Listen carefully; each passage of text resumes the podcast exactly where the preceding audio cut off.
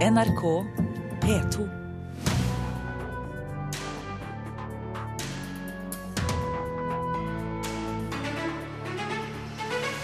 Norge eller Sverige for Nordisk råds litteraturpris, tror vår anmelder.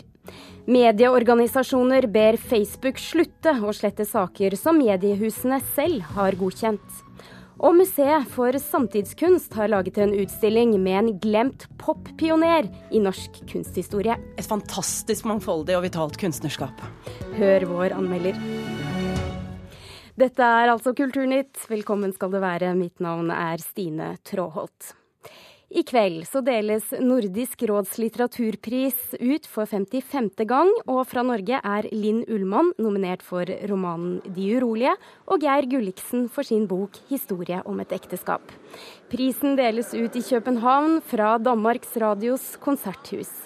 Litteraturkritiker i NRK, Marta Norheim. Du tror at kveldens pris går til Norge eller Sverige. Hvorfor det?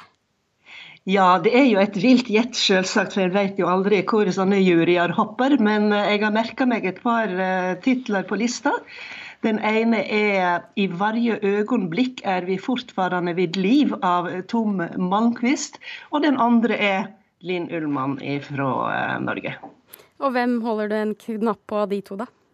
Nei, De holder som veldig like. Altså, de, de har jo også på en måte litt like historier. Det skriver seg inn i en familiesammenheng med store spenninger. Eh, som helt klart har noen eh, tilknytningspunkt til eh, det virkelige livet.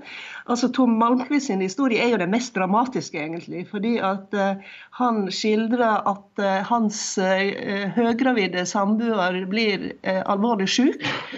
Og han blir da altså far og enkemann i samme veka.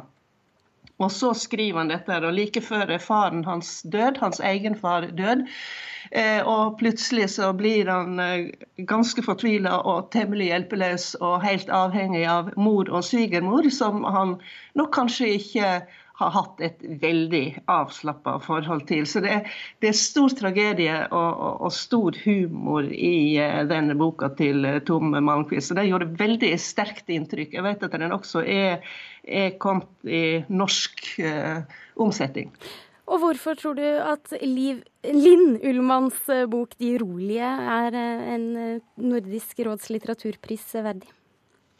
Nei, den er også en veldig sterk familiehistorie eh, som eh, Jeg syns jo egentlig at Linn Ullmann har skrevet seg eh, opp omtrent fra bok til bok. Altså, det er en ufattelig vakker kurve i det forfatterskapet. Og med 'De urolige', som boka heter i år, da, så skriver hun historien om eh, et barn og en eh, far og et barn og en mor. Altså en skilsmissefamilie ifra, omtrent fra starten av, og skildrer da de veldig ulike forholdene som, eh, som, rår i de to ulike konstellasjonene som dette barnet da er delt imellom. Det er ikke noe sånn eh, eh, hevn over en eh, vanskelig barndom eller noe sånt. Det er en, veldig avklara og, og, og, svært vakker roman, som også drar inn en del tanker omkring kunst og omkring film og litteratur og så videre. Sånn. Hva tenker du om kritikken som har kommet eh, den siste dagen, dagene her eh, i Kulturnytt om at prisen har mistet eh, sin verdi fordi kun en tredjedel av bøkene som nomineres til prisen, blir oversatt til norsk? Ja, Det synes jeg er en veldig kategorisk måte å snakke om en sånn pris på, at den har mistet sin verdi. Altså Hvis en har noen knallgode andre forslag til hvordan en skal holde et kultursamarbeid oppe i Norden, så kan en jo alltids komme med dem. Eh, Eh, det som er nå, er jo at forlag er under press, og det skal ganske mye til at de eh, oversetter eh, bøker fra utenlandske språk. Så der er det jo sånn at i en perfekt verden så kunne en jo ønske seg at flere bøker hadde kommet i norsk språkdrakt, og vice versa, selvsagt i de andre landene sine språkdrakter. Men når det er sagt, så det blir jo kastet et lys på disse bøkene, og jeg har jo en tanke her, og det er at eh, det går jo veldig fint an å lese bøker på svensk og dansk. Altså, eh, veldig mange norske lesere leser jo engelsk uten problem, så da burde det egentlig bli ganske greit å, å lese svensk og dansk også.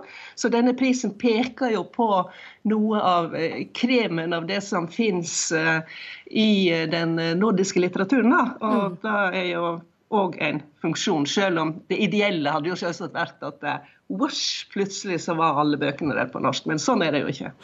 Tusen takk, eh, litteraturkritiker Marta Norheim. Vi skal snart snakke litt mer med Geir Gulliksen, som er en av de nominerte og er med oss fra København. Men først så skal vi høre litt om hva forlagsbransjen selv tanker.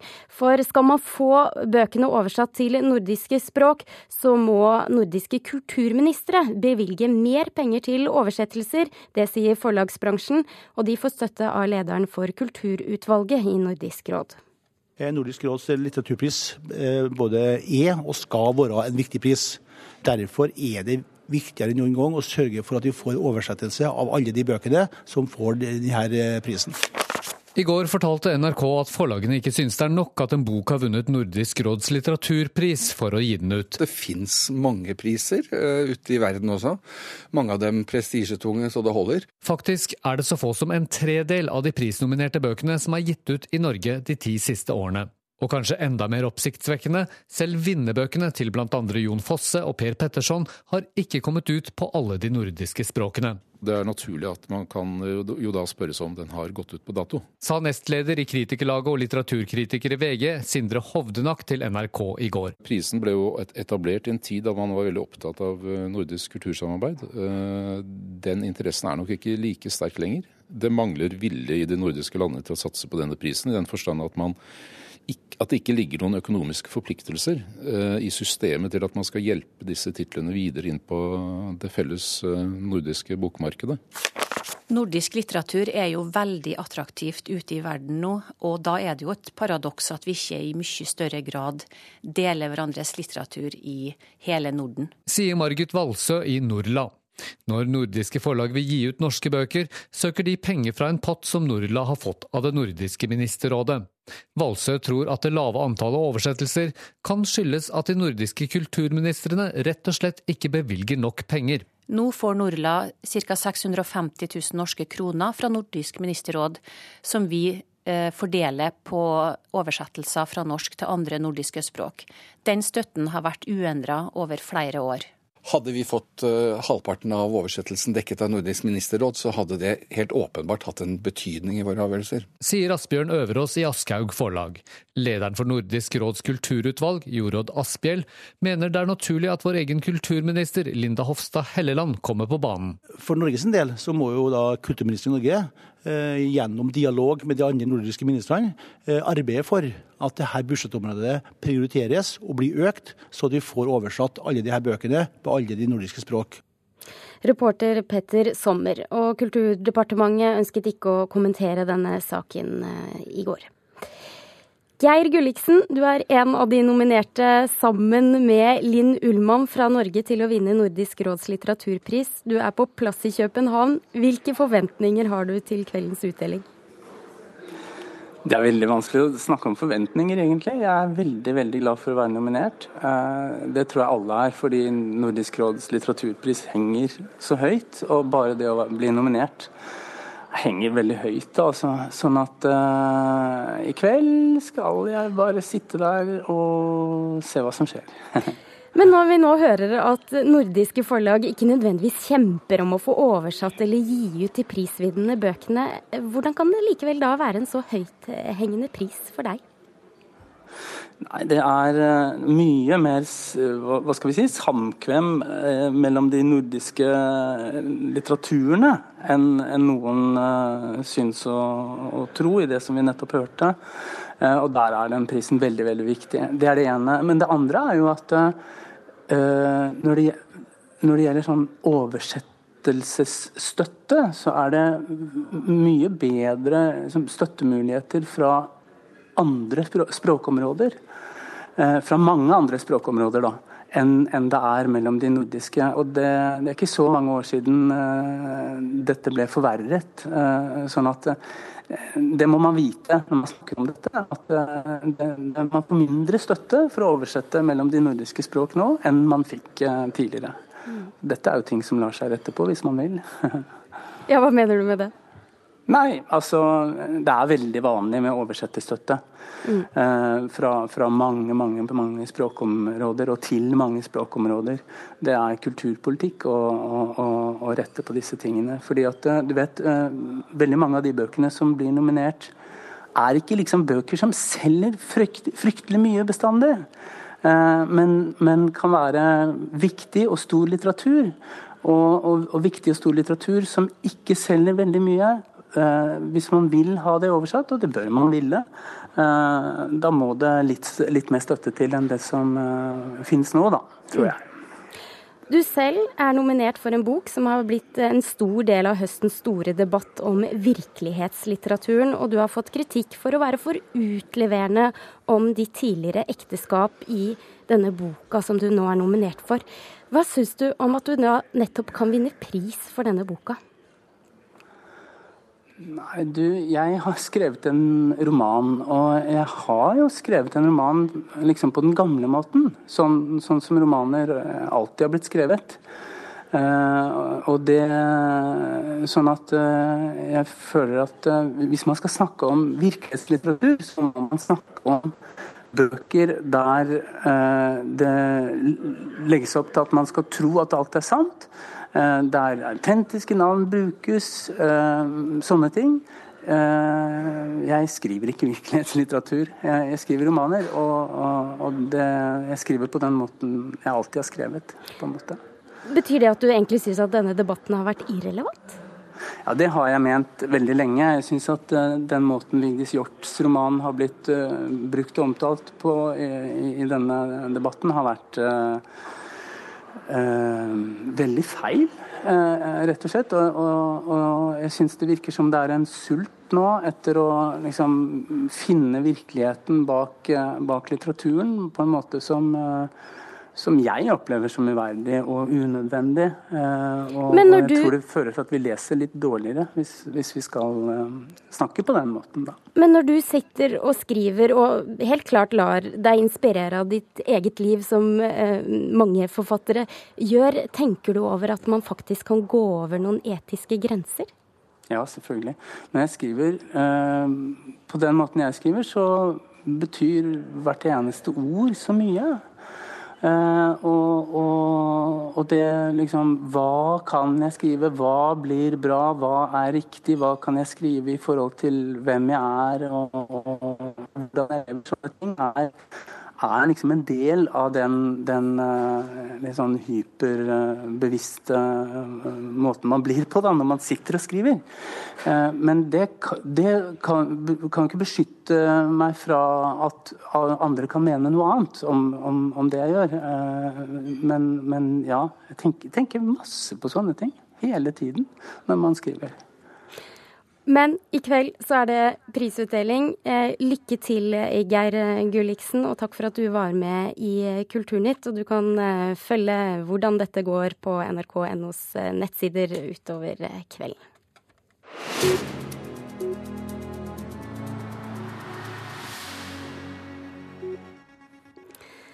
Reporter Kirsti Falk Nilsen, du har sveipa over avisene, og hva står det om i dag? Du, I dag står det nesten kun om Facebook og TV 2, i hvert fall for det meste.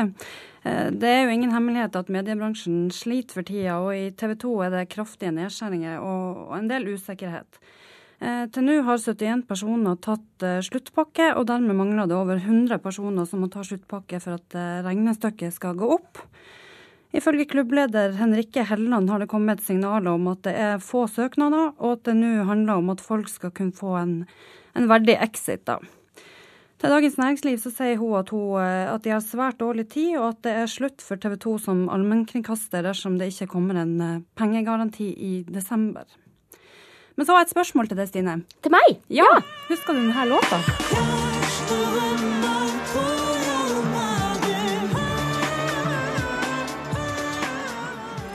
Noe med Eurovision Song Contest. Det handler om Eurovision Song Contest, og det er ukrainske Shamala som vant Eurovision Song Contest i fjor, og som dermed sørga for at konkurransen går av stabelen i Ukraina i år.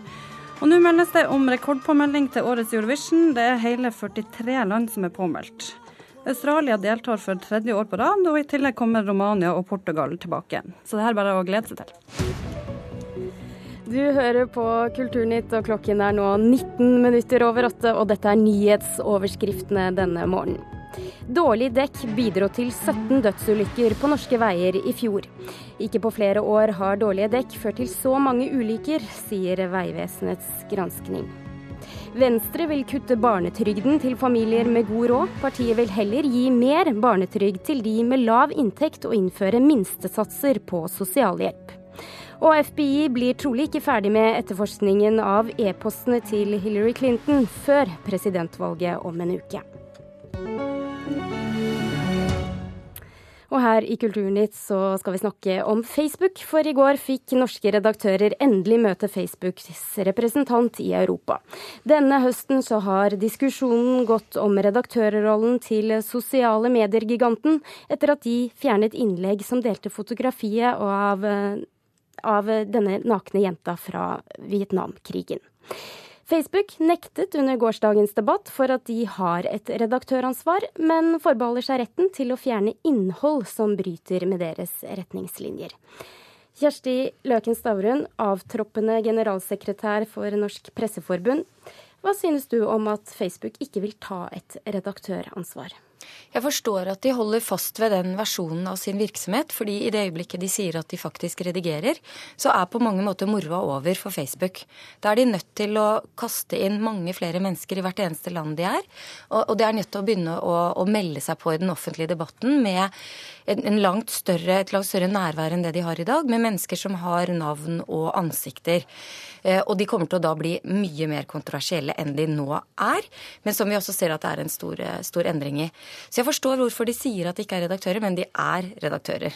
Men hvorfor er det så viktig for norsk presse, som det virker som, at de skal si at de tar et redaktøransvar?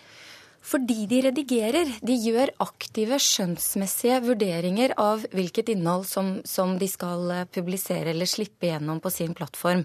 Eh, de eh, forsøker å fremstille det som at det er ukontroversielt og helt åpenbare ting som må vekk.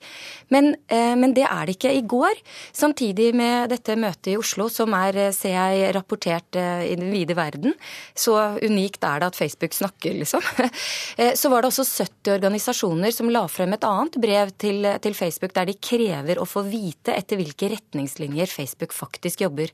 Fordi de oppfattes som å påvirke eh, store nasjonale debatter eh, og, og, stor mulighet for, for, ytringsfrihet. Du vet at Sånn som Facebook opererer nå, så, så blir det et slags globalt minste felles multiplum. Fordi de sier at det som er ytringsfrihet et sted, kan være støtende for noen andre. Og Facebook lener seg da i den retningen hvor de altså må sikre at noen ikke støtes. Gard Michaelsen, redaktør for medienettstedet Medier24. Er du enig i denne bekymringen? Eh, ja, det, det, er jo De fleste av oss vil være enig i at en del av de bildene som er blitt sletta på Facebook, ikke burde være sletta. Og ingen som var uenig i at Vietnam-bildet burde få lov å være der. Men klart at det er forskjell på å redigere og, og publisere ting og moderere i ettertid. Det er klart at Jeg tror vi skal være glad for at Facebook har standarder som gjør at det ikke kommer masse bilder av nakne unger på Facebook. Eh, det, det er jo mangelen på standarder som har ødelagt medier som type MySpace f.eks., og som også holder på å ødelegge Twitter. Mm. Og det å drive et nettsted for to milliarder mennesker, da må du ha noen felles regler. Og de reglene står på nett, det kan alle gå og lese. Ja, for de tar jo på en måte et ansvar her, da med ja, at de ja, redigerer? Ja, absolutt. Og de snakker mye om uh, sikkerhet eller safety, som jo er et veldig, et veldig godt og gangbart ord i, i USA. Men, men, du vet at så stort som Facebook er blitt nå, så har vi helt andre forventninger til hvordan de opptrer. Og de kan ikke ha, uh, de kan ikke ha sånne sekkebetegnelser som, uh, som, dette bildet av Nick ut, som altså heter The Terror of War, som vi nå har begynt å snakke om. Og det er veldig interessant. Vi refererer det til nå som den nakne jenta. Men det var aldri det før Facebook bestemte at det var bilde av en naken naken jente. Vi så ikke det før Facebook sa at det er det dere ser. Det bildet ble jo aldri trykt i norske aviser på den tida. Det gikk jo lenge før det ble trykt. Ja, men det var fordi Ja, det- AP eh, Vi var litt usikre på om de skulle publisere det. Det er en annen historie, men det viser jo også at eh, dette er et viktig bilde. Eh, så, så det som var vel mest skremmende med den debatten, var jo hvor hardt vi måtte kjempe for å redde det bildet som en slags verdensarv. Og du vet at det er mye vi ikke orker å ta kampen for. Og det er derfor den kan du si, kulturimperialismen som Facebook nå eh, bedriver, den er ganske skummel, syns jeg. Vi må bare opplyse lytterne om at vi har eh, spurt om Facebook vil være med i eh, denne debatten, men de har ikke svart på våre henvendelser. Kjersti Løken Stavrum, eh, sammen med eh, 34 ulike presseforbund i, i europeiske land, så har dere skrevet et opprop om at Facebook tar sitt redaktøransvar. Eh, men Gard Michaelsen, Tror du at Facebook i det hele tatt kommer til å lytte til et sånt eh, krav? Det jeg tror Facebook har lytta til, er at de har varsla for en uke siden at de kommer til å måtte tillate flere bilder som har nyhetsverdi. Og Det viser jo at debatten har ført til endring, i hvert fall. At det er håp om at det kan føre til en dialog som fører til en litt annen praksis framover. Eh, Det som er litt av paradokset her, er at man sier at Facebook er umodent, men også norske mediers forhold til Facebook er umodent. Det er På hvilken måte? Det er ikke mange år siden. altså I mange år så var jo Facebook noe vi hylla og var kjempeglad i eh, og skal bruke for alt det er verdt. Og så skjer to ting. Det ene som skjer, er at algoritmene favoriserer innhold som er på en måte målgrupperetta, som når en nisje, som er på en måte litt, litt med nisjeprega. Eh, Og det andre er at Facebook begynner å ta, ta pengene våre. Og når noen tar pengene våre, så blir vi litt bekymra. Det er det store som har skjedd. Eh, Og, jeg tror at det man ba om i går, var at Facebook altså På ene sida sier man at Facebook skal være redaktør. Eh, På andre sida sier man at redaktøren skal ikke få lov å bestemme sjøl, for vi vil ha blankofullmakt. Og det er noe paradoksalt over det som ikke helt går opp. Ja, Poenget er at man kan ikke være begge deler. Du kan ikke både si at du ikke tar redaktøransvar, og så, og så drive og redigere. Det er jo, der, det, er jo det Ja, men de skillet vi modererer jo, det må jo alle gjøre som driver nettside. Det gjør jo også jeg på mitt kommentarfelt, og det gjør VG sitt på sitt kommentarfelt. Jo, men det er jo der diskusjonen nå nettopp står. at Etter hvilke retningslinjer er det? Hvordan er det faktisk dette selskapet opererer? Så vil jeg bare si at selvfølgelig er, eh, eh, har relasjonen til Facebook vært umoden. Vi er fortsatt i en veldig umoden situasjon eh, eh, når det gjelder eh, den digitale utviklingen. Så sånn, sånn har det vært, og sånn kommer det til å fortsette å være. Eh, og det er vel en del av derfor det er viktig å melde seg på debatter når det er viktige ting som står på spill. Jeg tror vi avslutter der. Tusen takk for at dere kom til Kulturnytt, Kjersti Løken Stavrum og Gard Michaelsen.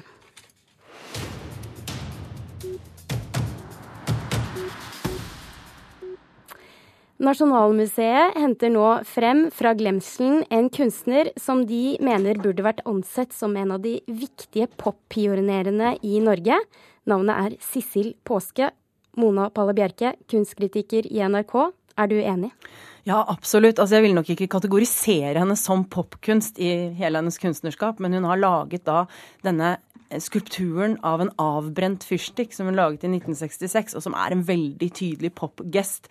Det å hente kunsten ned fra pidestallen og skape en sånn en stor, en liksom nesten mannshøy skulptur av noe så hverdagslig, noe, noe som egentlig er søppel, da, som en avbrent fyrstikk. Og så gjorde jo selveste Claes Oldenburg det samme mer enn 20 år senere, og da ble jo hans avbrente fyrstikk et popikon. Så at dette er veldig, det er veldig påfallende at dette har gått inn i glemselen. Mm.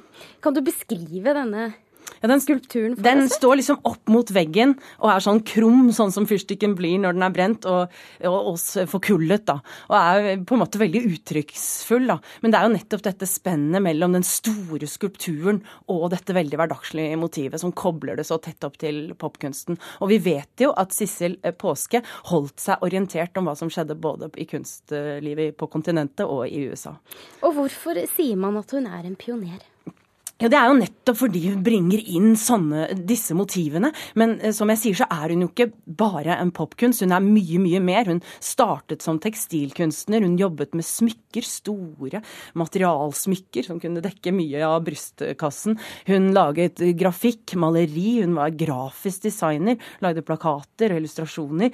Eh, Så nei, dette er et veldig, veldig mangfoldig, frodig og vitalt kunstnerskap. Og når man går rundt i utstillingen, så er det noe som slår igjen. Altså at det er nesten ufattelig at vi har tapt dette kunstnerskapet av syne. At det ikke er nevnt eh, nesten i det hele tatt i kunsthistorien. Også fordi hun i sitt korte liv hadde en høy utstillingsfrekvens. Ja, Men hvor, hva, hvorfor? Hvorfor ble hun glemt da? Nei, Hun går nok inn i rekken av kvinnelige kunstnere da, som har etter sin død glidd inn i glemselen og kommet i skyggen av sine mannlige kolleger.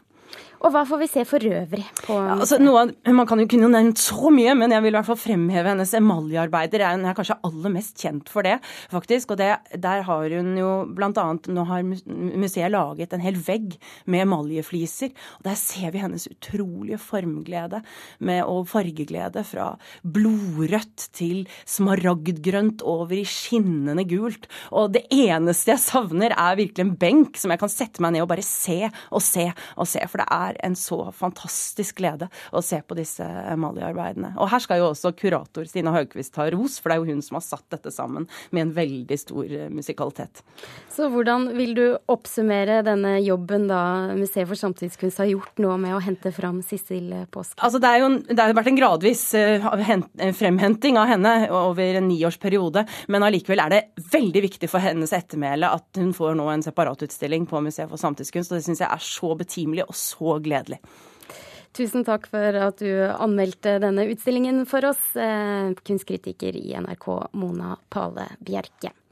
Kulturnytt nærmer seg slutten. I dag så har du hørt at vår anmelder tror at Norge eller Sverige får Nordisk råds eh, litteraturpris, som deles ut i København i kveld.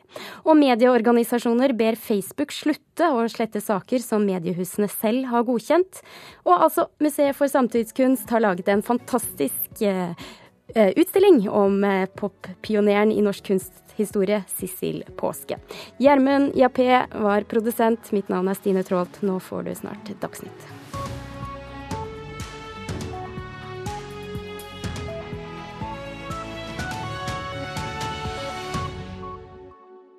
Hør flere podkaster på nrk.no podkast.